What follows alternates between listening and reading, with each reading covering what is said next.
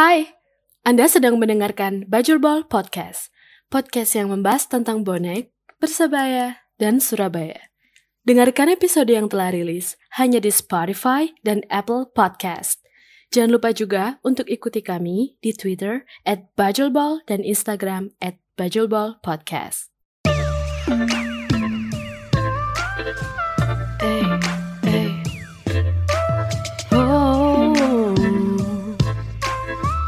Oh, oh. We all need a water break. It is something.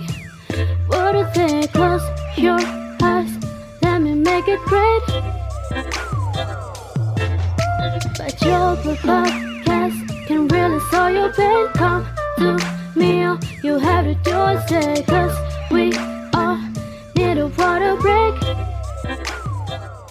Yuk kembali lagi bersama kami Bajulbul Podcast. Yang penting kita berusaha untuk setiap minggu bisa rekaman, bisa rilis itu udah udah bagus sih. Iya. Karena kan satu eh, sepak bolanya masih belum ada. Belum. Bahasanya juga meskipun ada yang akan dibahas tapi nggak se seperti yang biasanya. Karena kan ya bahannya terlalu apa ya minim lah gitu kan. Tapi nggak masalah.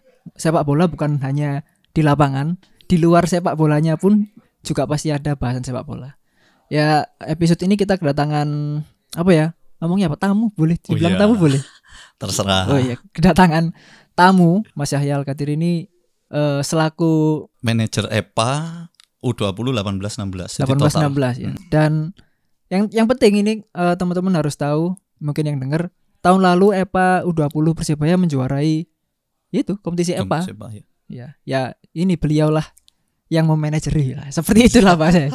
Tapi sebelum kita ngomong lebih lanjut, kita mau tanya bagaimana kabarnya Mas Yahya Al Kadiri secara pribadi. Gimana Mas kabarnya? Alhamdulillah baik Alhamdulillah baik Eh, ya seperti ini kabarnya Gimana ini gimana? tanpa ya kita terus ngakomodir teman-teman supaya tetap ya di rumah dan berlatih terus berlatih di rumah yang penting jangan hilang semua lah Iya. seperti itu meskipun sepak bolanya belum, Belum sampai saat ini jalan, belum ya.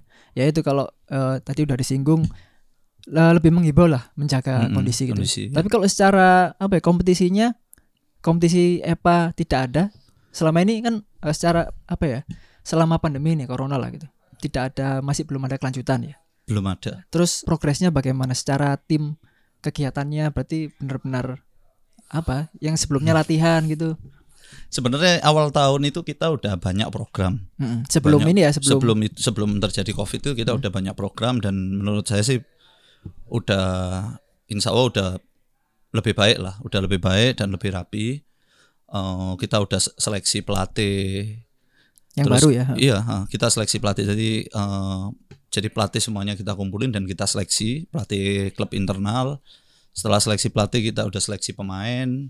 Jadi seleksi pemain kemarin itu ada beberapa tahap, yaitu pertama tahap pemain yang lama, kedua tahap pemain-pemain baru yang ada di internal dan scouting pemain-pemain yang Scouting. udah terscouting, terus kemudian tahap ketiga adalah yang terbuka, Tah- tahap terbuka. Jadi siapa pun boleh Orang luar juga. orang ya? luar boleh tapi nanti eh, semua akan dimasukkan ke kompetisi internal persebaya Oke. karena apa pun yang terjadi pemain hebat kalau tanpa ada kompetisi dia Iya. akan mentok di level itu itulah kompetisi internal gunanya itu di situ Oke. Jadi kalau nggak salah sebelum corona ini kalau nggak salah U20 ya. U20 U20 itu me, apa dalam tahap tahap akhir seleksi ya benar ya atau belum? Eh, 16 18 20 Semua udah ya? tahap akhir seleksi udah ada Jadi nama udah maksudnya ada nama rangkaian tim semua sebenarnya sudah ada. ada sudah ada seperti itu Tapi karena kompetisinya tidak ada belum berjalan begitu.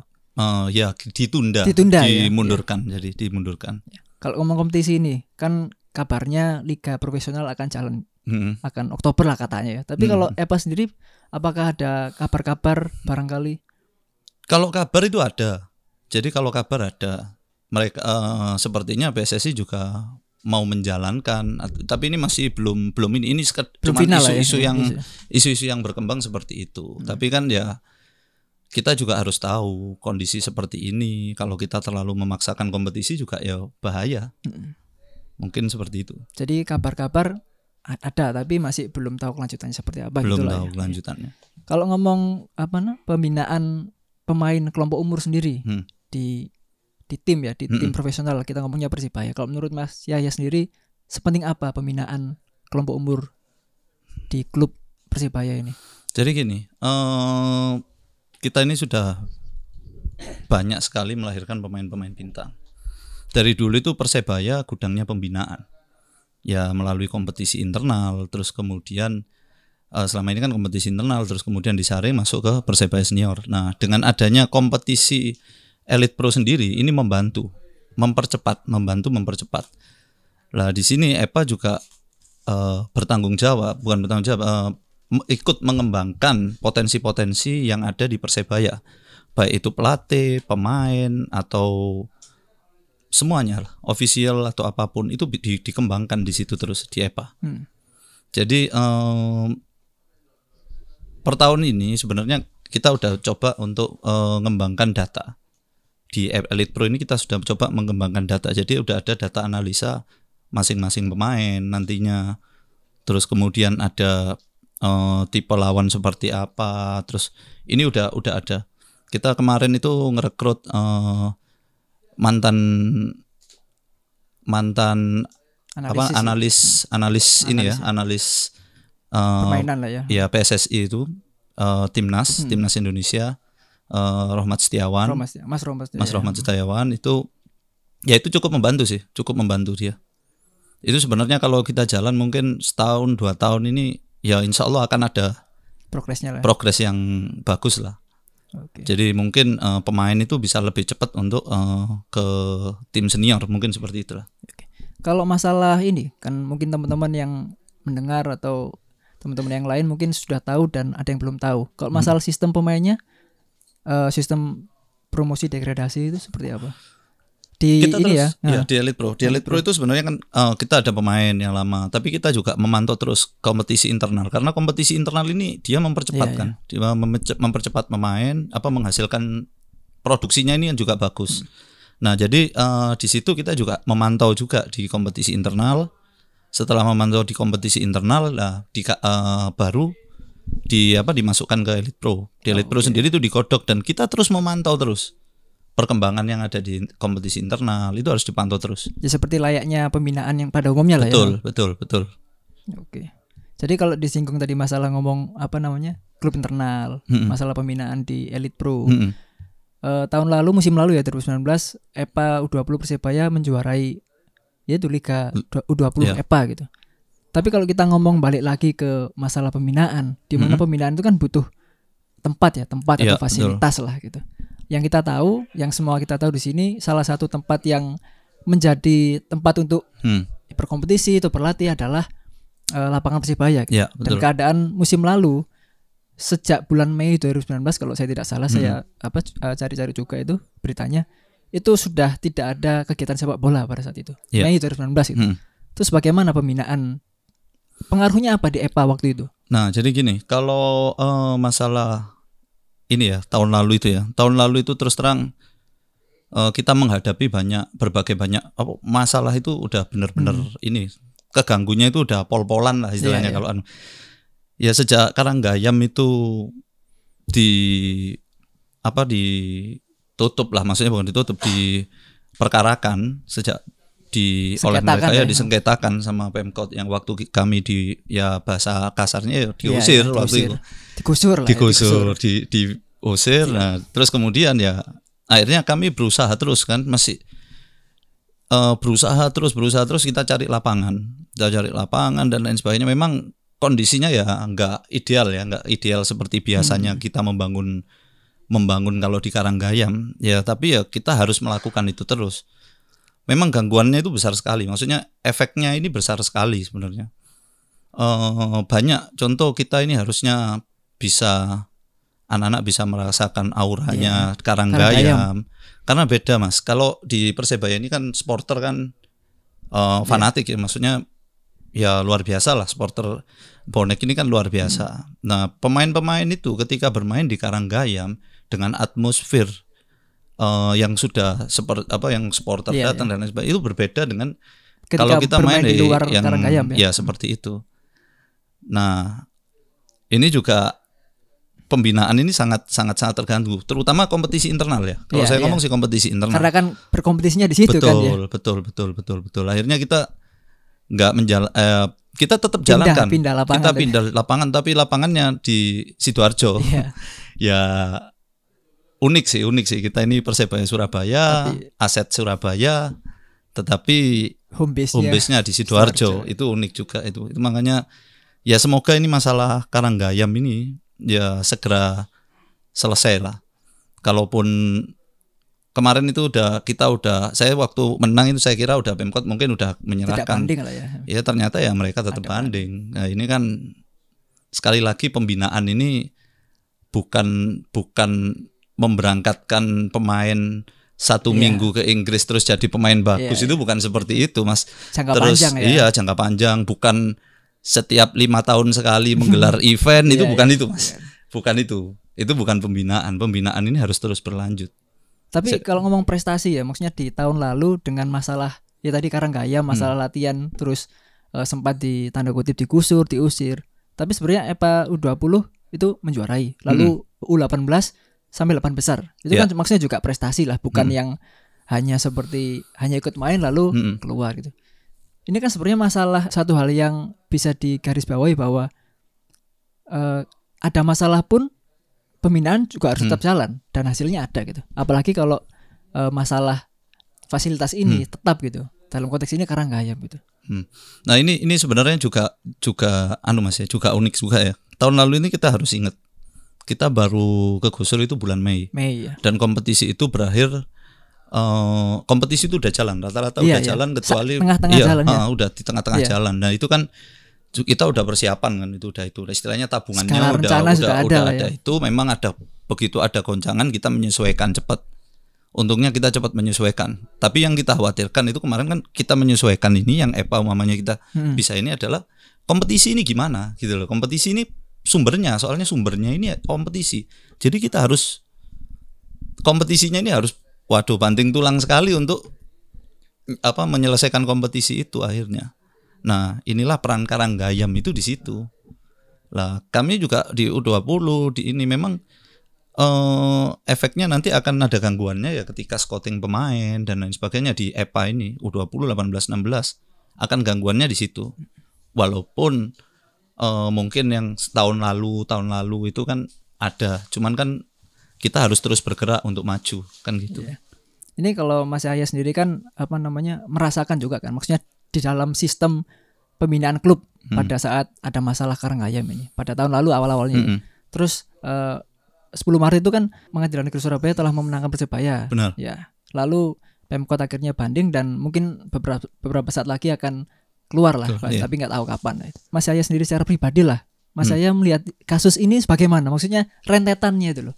Dari awal tiba-tiba eh, diusir, Hmm. lalu eh, Mas Yahya kan juga datang di sidang Iya, juga kan, maksudnya me- mendengar dan menyaksikan langsung itu. Terus saat tahap terakhir kemarin tanggal 10 Maret Diputuskan. dimenangkan ya. Lalu pada akhirnya seperti ini. eh ya itu eh kalau saya sih melihatnya ya ini saya juga bingung eh terlalu banyak yang yang apa ya yang bermasalah lah yang terlalu banyak yang bermasalah. Waktu saya saya 2018 saya masih ingat itu ya mas ya. Ascot itu mau menggelar Ascot ya bukan 2018, Persebaya 2018 itu Ascot itu mau menggelar kelompok umur 13 tahun U13, tahun U13. ya. Itu masih saya masih ingat sekali masih di depan mata saya waktu Hmm. itu. Karena saya waktu itu juga ik- eh, di Ascot ikut menyelenggarakan juga.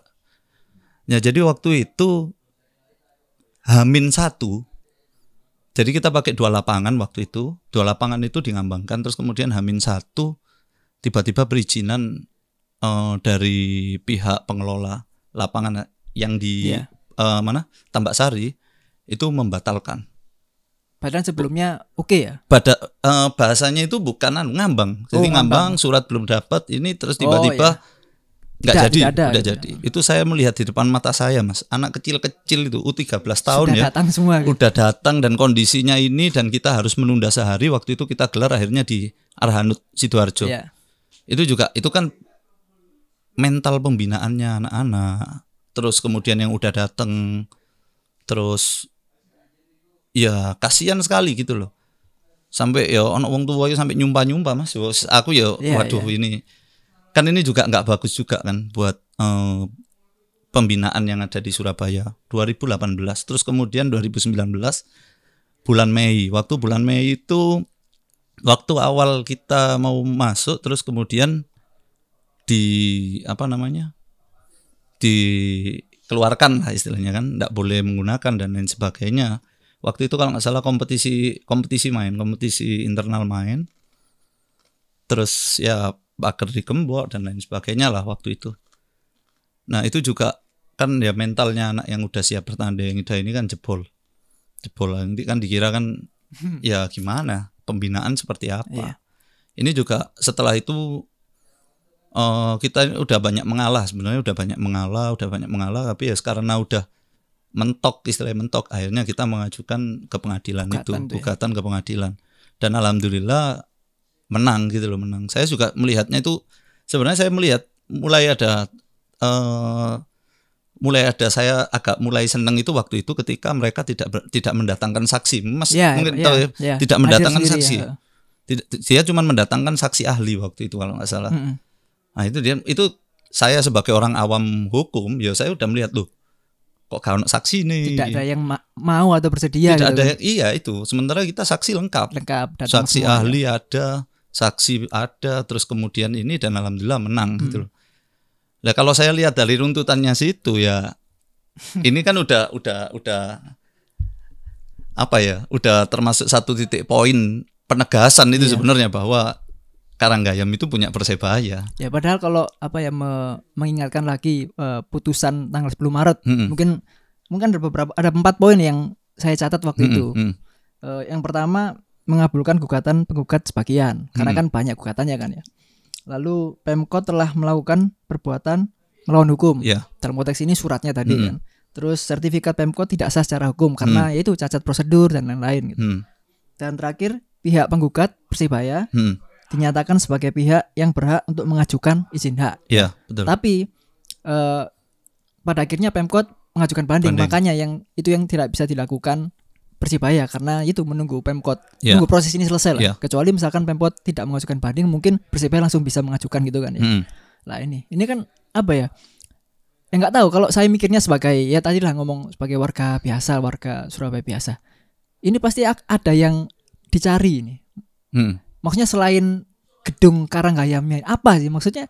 Kalau saya melihatnya pasti ono sing digolek sing liyane gitu daripada sepak bolanya. Entah itu apa ya gitu.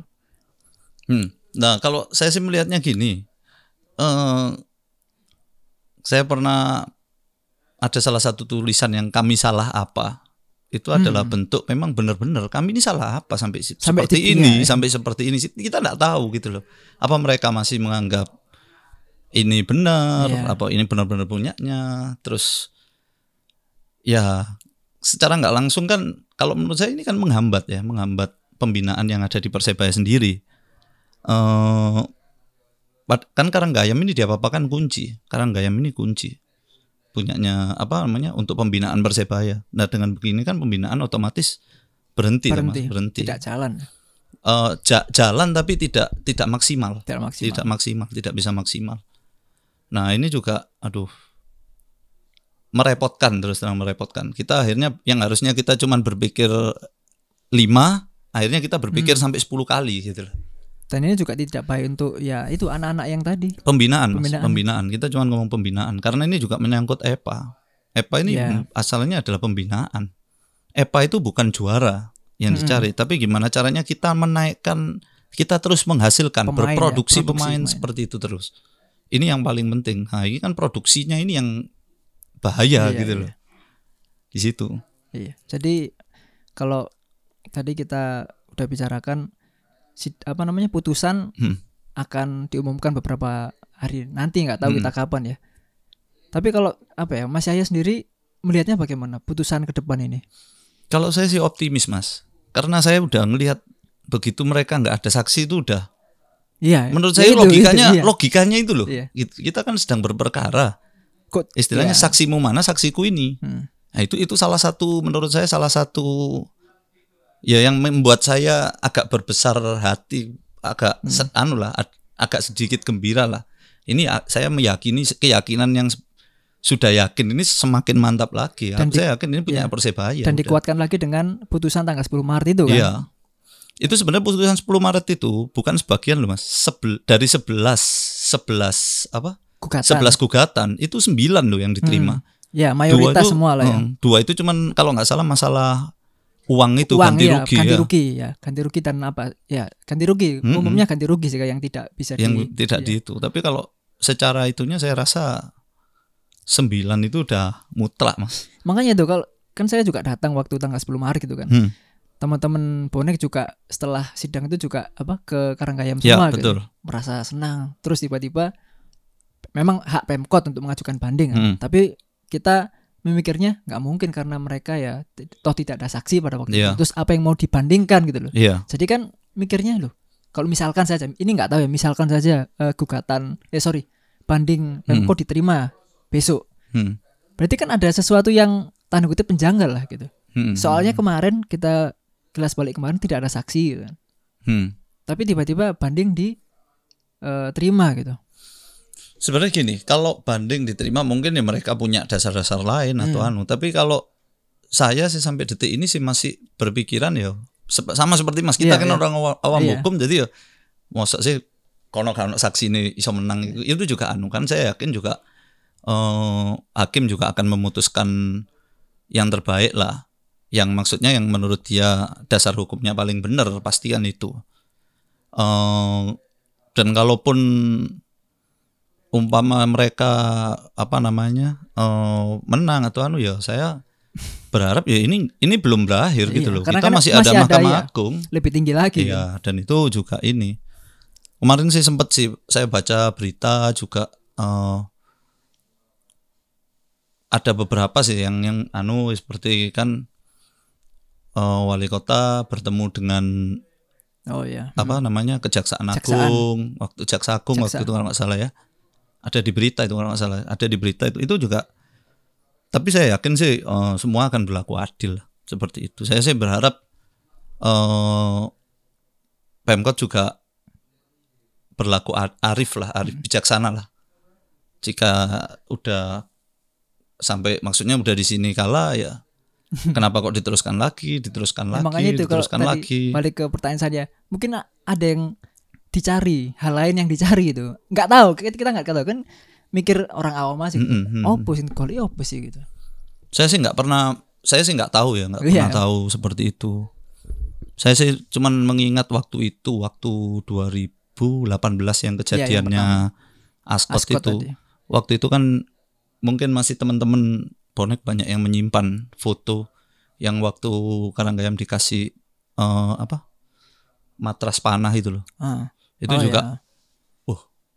tapi ya itu juga nggak belum tentu kan kita nggak tahu juga apa maksudnya waktu itu ini tapi kan at least kan kita masih berkompetisi itu dan kita masih menempati di situ waktu itu kan gitu Tapi kalau kita eh, selaku apa ya manajer EPA pada waktu itu pada Hmm. musim lalu ya, kan pasti juga banyak mendengar eh, keluhan-keluhan dari terutama pemain Hmm. atau orang tua gitu. Hmm. Tadi udah disebutkan sampai sumpah serapah atau Nyumpah-nyumpah apa. ya, Mas. Gimana Nyumpah-nyumpah. maksudnya kalau Mas saya melihatnya mereka itu apa? Kita, kan kita nggak tahu yang di lapangan. Hmm. jadi gini mas orang tua ini kan juga mengalami banyak masalah ya jadi sejak dualisme yang kita sedang menggelar kompetisi tiba-tiba Iya. diusir anak-anak ini udah istilahnya anak-anak itu ya akhirnya jadi ya seperti itulah. Kulino ini loh ini diusir. Itu waktu zaman perjuangan dulu itu ya waktu kita masih Iya. tim internal masih urunan lah untuk menggelar itu. Terus kemudian terjadi anu lah ditutup terus kemudian ya banyak lah kejadian-kejadian ini mas. Waktu ya era-era ini, ini banyak lah kejadian-kejadian untuk kita di pembinaan ini banyak. Ya alhamdulillah lah teman-teman masih kuat dan bisa menjalani apa namanya Iya. eh, menjalani kompetisi ini masih bukan menjalani pembinaan ini masih alhamdulillah masih kuat lah seperti itu Beberapa waktu lalu juga salah satu apa ya? Kalau ngomongnya apa ya? Ya orang lah gitu yang dari Pemko sendiri dia menyatakan bahwa tidak ada apa-apa sebenarnya gitu. Tapi akhirnya masih ada perkara ini gitu loh. Iya. Kan Jadi- maksudnya mendengar mendengar kalimat maksudnya kan dia orang yang apa ya? Pemegang kedudukan. Ya pemegang kedudukan lah salah satu pemegang kedudukan di eh, dinasnya lah begitu. Hmm. Tapi apa yang dibicarakan, apa yang diomongkan tidak sesuai dengan yang terjadi pada waktu itu loh. Hmm. Sampai sekarang pun ini kan masalahnya juga sama kan. terus ini masih terus. Nah ini juga itu juga ini makanya saya juga heran-heran waktu itu saya sempat di tempatnya Anu itu sempat ngobrol saya di salah satu podcast itu juga ngomong eh ya itu saya sebenarnya udah seneng waktu itu udah wah melihat ini wes enak wes titik balik ini. Hmm.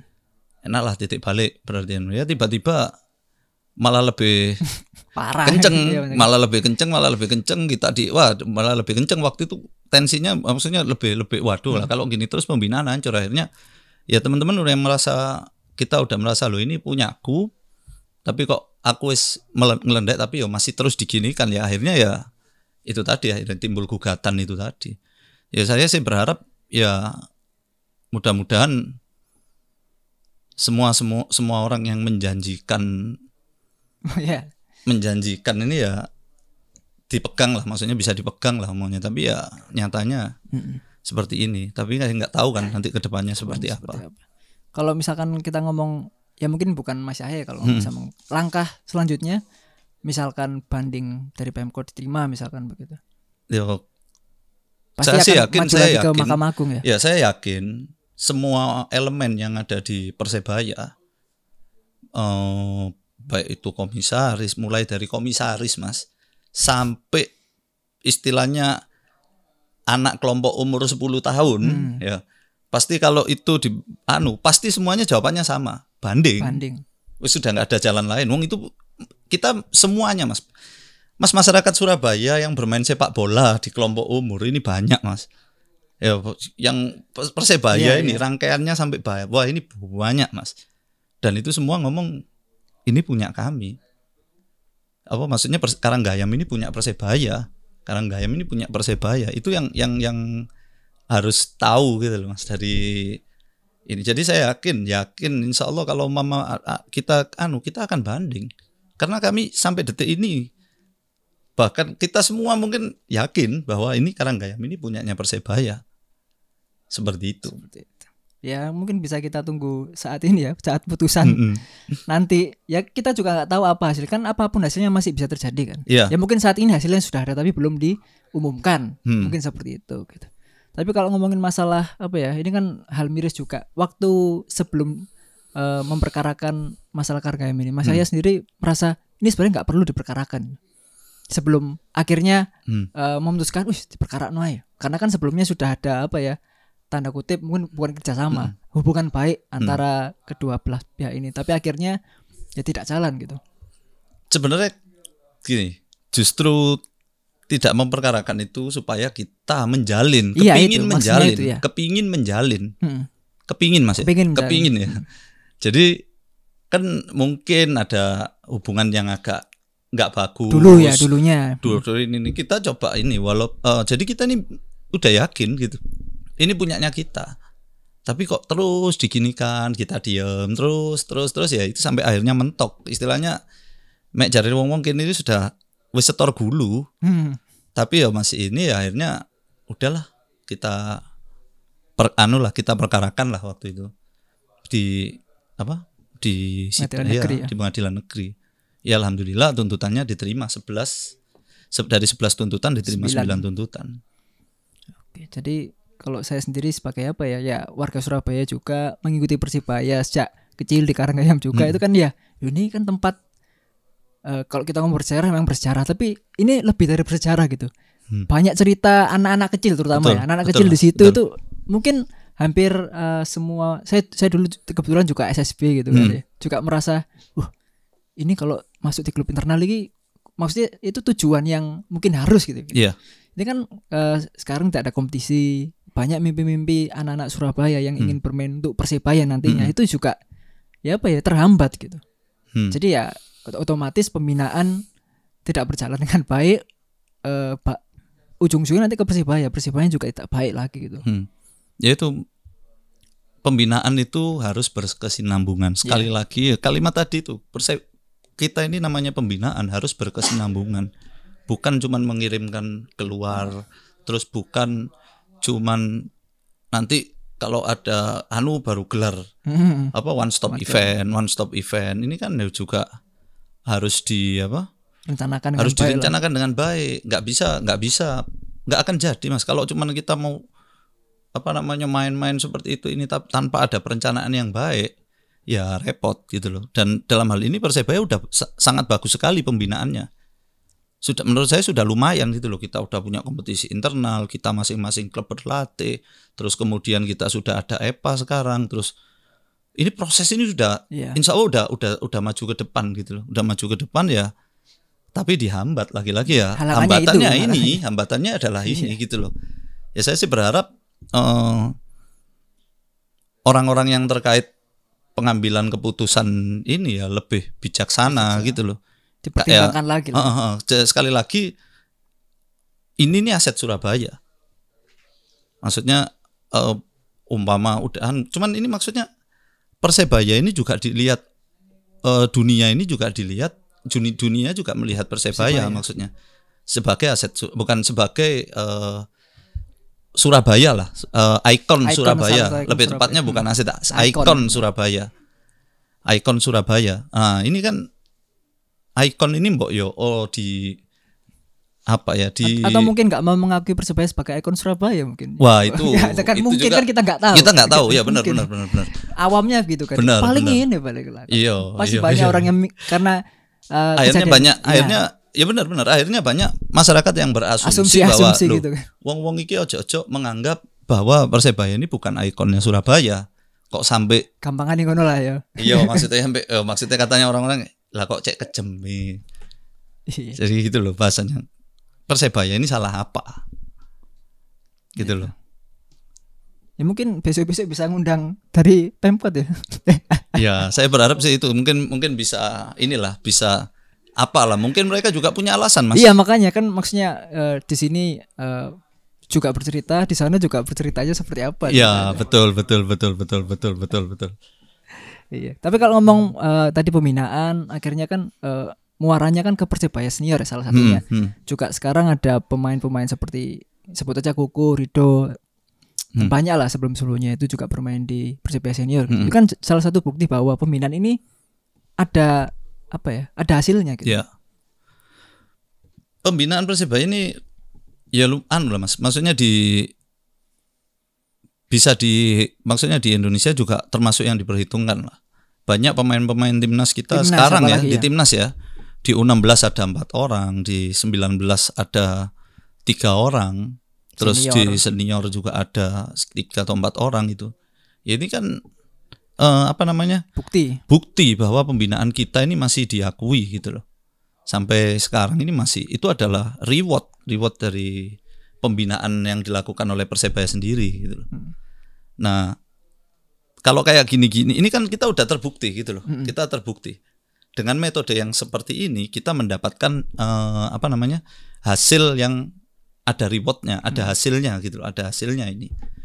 Nah, kalau cara-cara lain mungkin dari siapa pun mungkin mereka punya cara lain tapi kan cara-cara itu belum terbukti Iya, gitu loh iya. mungkin dia apa apa ngirim ke luar negeri atau ya. ini itu kan belum belum Terbukti, teruji belum teruji belum terbukti solusinya adalah kembali eh, maksudnya kembalikan lagi eh, pembinaan yang ada di Surabaya ini dengan cara yang baik dan benar Hmm. mungkin itu itu cuman solusi itu sehingga kita tetap bisa mempertahankan sebagai penghasil pemain sepak bola di nasional ini Berarti bicara bukan hanya lokal Surabaya juga Bukan. lebih ke lokal. Iya, Nasional, ke kan? nasional. Kita ini penghasil pemain skala nasional, bukan bukan Surabaya lagi. Jadi kita ini ya khususnya untuk Persebaya, Persebaya. umumnya untuk bangsa dan negara seperti itu. Ya mungkin itu ya. Mungkin judulnya bisa ngomong Pemkot apa Pemkot tidak mengakui Persebaya sebagai ikon gitu. Waduh. Lebih terlalu halu ya. Lalu Langsung didengarkan nanti sama orang-orang soalnya. Enggak, tapi kalau eh, sebagai pribadi bonek juga warga Surabaya juga pinginnya gugatan besok ya tetap Persebaya yang dianggap hmm, ini maksudnya bukan Pemkot bandingnya tidak diterima gitu. Iya. Karena kan apa ya masalah kalau misalkan Pemkot bandingnya terima masalahnya kan bergulir lagi. Hmm. Gitu. Kalau saya berharapnya bukan itu aja, Mas. Ketika banding banding mereka ditolak, ya semoga mereka tidak mengadukan banding lagi.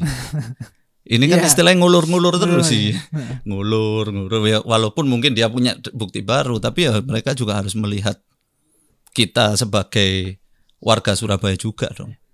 Ya mungkin Persebaya ini banyak wa- ya se- semuanya ya rata-rata ya warga Surabaya. Ya itu mungkin jawabannya Persebaya nggak dianggap sebagai salah satu. iya. Kayak kalau awamannya gitulah. gitu. Ya kalau memang orang awamnya akan berpikir iya, seperti itu karena mungkin. kan tadi udah bukti ini ini, ini ternyata loh gak diakui, maksudnya diganggu diganggu Hmm. terus lah gitu. Jadi ya maksudnya tadi eh, logikanya Persebaya adalah warga Surabaya, logikanya Iya. gitu. Harusnya kan Pemkot selaku apa ya pembuat apa ya keputusan dan naungan Hmm. pemerintahan di Surabaya harusnya kan juga mengakui bahwa Persebaya juga warga Surabaya gitu. Logikanya Iya, begitulah gitu. Dan dan gini mas, eh, persebaya atau sepak bola ini sendiri itu kan juga membentuk karakter manusia Hmm. yang seutuhnya. Maksudnya ya dengan sepak bola, dengan ini kita kembangkan jiwa sportivitas, terus kemudian kita eh, membangun teman-teman ini, terus menghindarkan dari narkoba dan Iya, lain iya. sebagainya. Ini kan juga Positif. lah ya. positif. Ini ini positif, bukan kegiatan yang Hmm. ini ini positif gitu loh ya memang mungkin orang akan melihat lo udah udah mungkin ya ada lah usaha-usaha mereka untuk membangun kota tetapi eh apa namanya ini penting gitu loh ini penting. Karena kalau yang saya tahu ya sepak bola juga bisa jadi salah satu waktu itu ya. Hmm. apa ya contoh aja Brasil Brasil Hmm. bukan negara yang maju secara apa ya eh, in- infrastruktur atau lain tapi sepak bolanya maju. Contohnya Ya, lah contohnya Ya, seperti itu. Mungkin ya. Surabaya Surabaya sendiri mungkin bisa jadi seperti itu gitu. Hmm. salah satu lah salah satu alat gitu kan. Ya kenapa mungkin mungkin kalau saya nganggapnya mungkin eh, Pemkot tidak berpikiran ke sana mungkin Hmm. ya karena kan itu tidak dilakukan gitu jadi ya sepak bola ini bukan sekedar apa kompetisi tapi Hmm. juga sebagai alat bahwa Surabaya juga ini loh ada Surabaya ya di sepak bolanya Hmm. dan di hal-hal lain juga ada itu sih sebenarnya banyak banyak ya banyak sekali gunanya gunanya Sepak bola. sepak bola dalam membentuk masyarakat Mm-mm. terus dalam membangun perekonomian ini banyak sekali gunanya banyak sekali Pen- menurut saya sih salah satu ikon penting kota harusnya ya Eh, jadi kalau ini terus apa ya sekali lagi mungkin mereka mengembangkan sepak bola cuman ini cara cara pembinaannya ini yang paling penting adalah cara membinanya ini adalah yang paling Hmm. penting gitu loh bukan asal asal-asalan lah tidak maksudnya. hanya judul pembinaan gitu kan. Iya, itu kalau pembinaan cuman dilakukan seminggu, nggak ada orang belajar seminggu terus pinter nggak ono mas. Jadi eh, pembinaan ini kan panjang dan prosesnya ini udah udah dilakukan persebaya dari tahun ke dari- tahun, dari tahun ke tahun dan alhamdulillah ya Surabaya ini juga eh, di kalangan sepak bola juga diakui, gitu Iya. loh, bukan nggak diakui seperti itu. mungkin apa eh, harapan terakhir Mas Yahya terkait inilah apa masalah sengketa Karanggayam Hmm. Kalau harapan saya sih tadi udah disebutkan ya harapan itu paling mungkin, paling eh, penting adalah ya semoga ini menang dan mereka tidak melakukan banding Hmm. lagi sehingga memperlambat proses pembinaan yang ada di Persebaya. Mungkin ya anggap kami lah warga Surabaya yang ingin melakukan pembinaan dengan baik dan eh, apa? Dan semoga Allah Subhanahu wa taala selalu meridhoi apa-apa yang dilakukan Persebaya. toh. Persebaya melakukan itu juga untuk kota Surabaya sendiri kan Betul, betul. membawa nama Surabaya juga Mm, kan mm, namanya kan Persebaya Surabaya Iya. kan? jadi ya ya pasti ot- otomatis untuk Surabaya juga benar. logikanya seperti itu sih ya mungkin mungkin ada tambahan Mas Yahya apa gitu satu dua barangkali ada kalau tidak ada ya Ya teman-teman terkait ini ya maksudnya Ha, ha, ha. pengawalan ini teman-teman sengketa ya mari ya teman-teman semuanya baik itu eh, pemain Persebaya, kelompok umur berapapun, terus teman-teman bonek. Ayolah mari kawal mari bersama-sama kawal canda di mukanya pemain Persebaya dan insya Allah kami eh, kita semua meyakini bahwa Karanggayam milik Persebaya. Oke. Mungkin itu. Mungkin judulnya hashtag Karangkaya milik Persibaya bisa ya. Ya. Nah, deskripsinya bisa epa epa dan lain ya sih lah, seperti itu lah. Mungkin sudah 40 menit kita bicara Mas Yaya. Hmm, Tidak ada yang tambahkan? insya Allah Cukup. ada, mungkin udah kalau cukup. ada bisa mungkin setelah ini Setelah, ya, mungkin iya. setelah apa namanya putusan kita nggak Ya, tahu ya, ya. ya, ya. Mungkin, Mungkin, bisa setelah putusan lah baru kita ngobrol lagi kan lagi ya. bahasanya kan ada lagi. Ada lagi ya. Oke. Oke, terima kasih Mas Yaya atas Oke. waktunya setelah Iya, terima kasih. meluangkan waktunya ke sini. Kita pamit dulu. Kita dari Bajul Bol dan Saya dari manajer Elite Pro Academy Persebaya. kita eh, usai episode kali ini tetap dukung Persebaya. Salam satu nyali. Wani. Hello, this is Aaron Williams from Persebaya Surabaya. Please continue listening to Badger Ball Podcast on Spotify, Apple Podcast, and other platforms. Salam Satunali, Wani.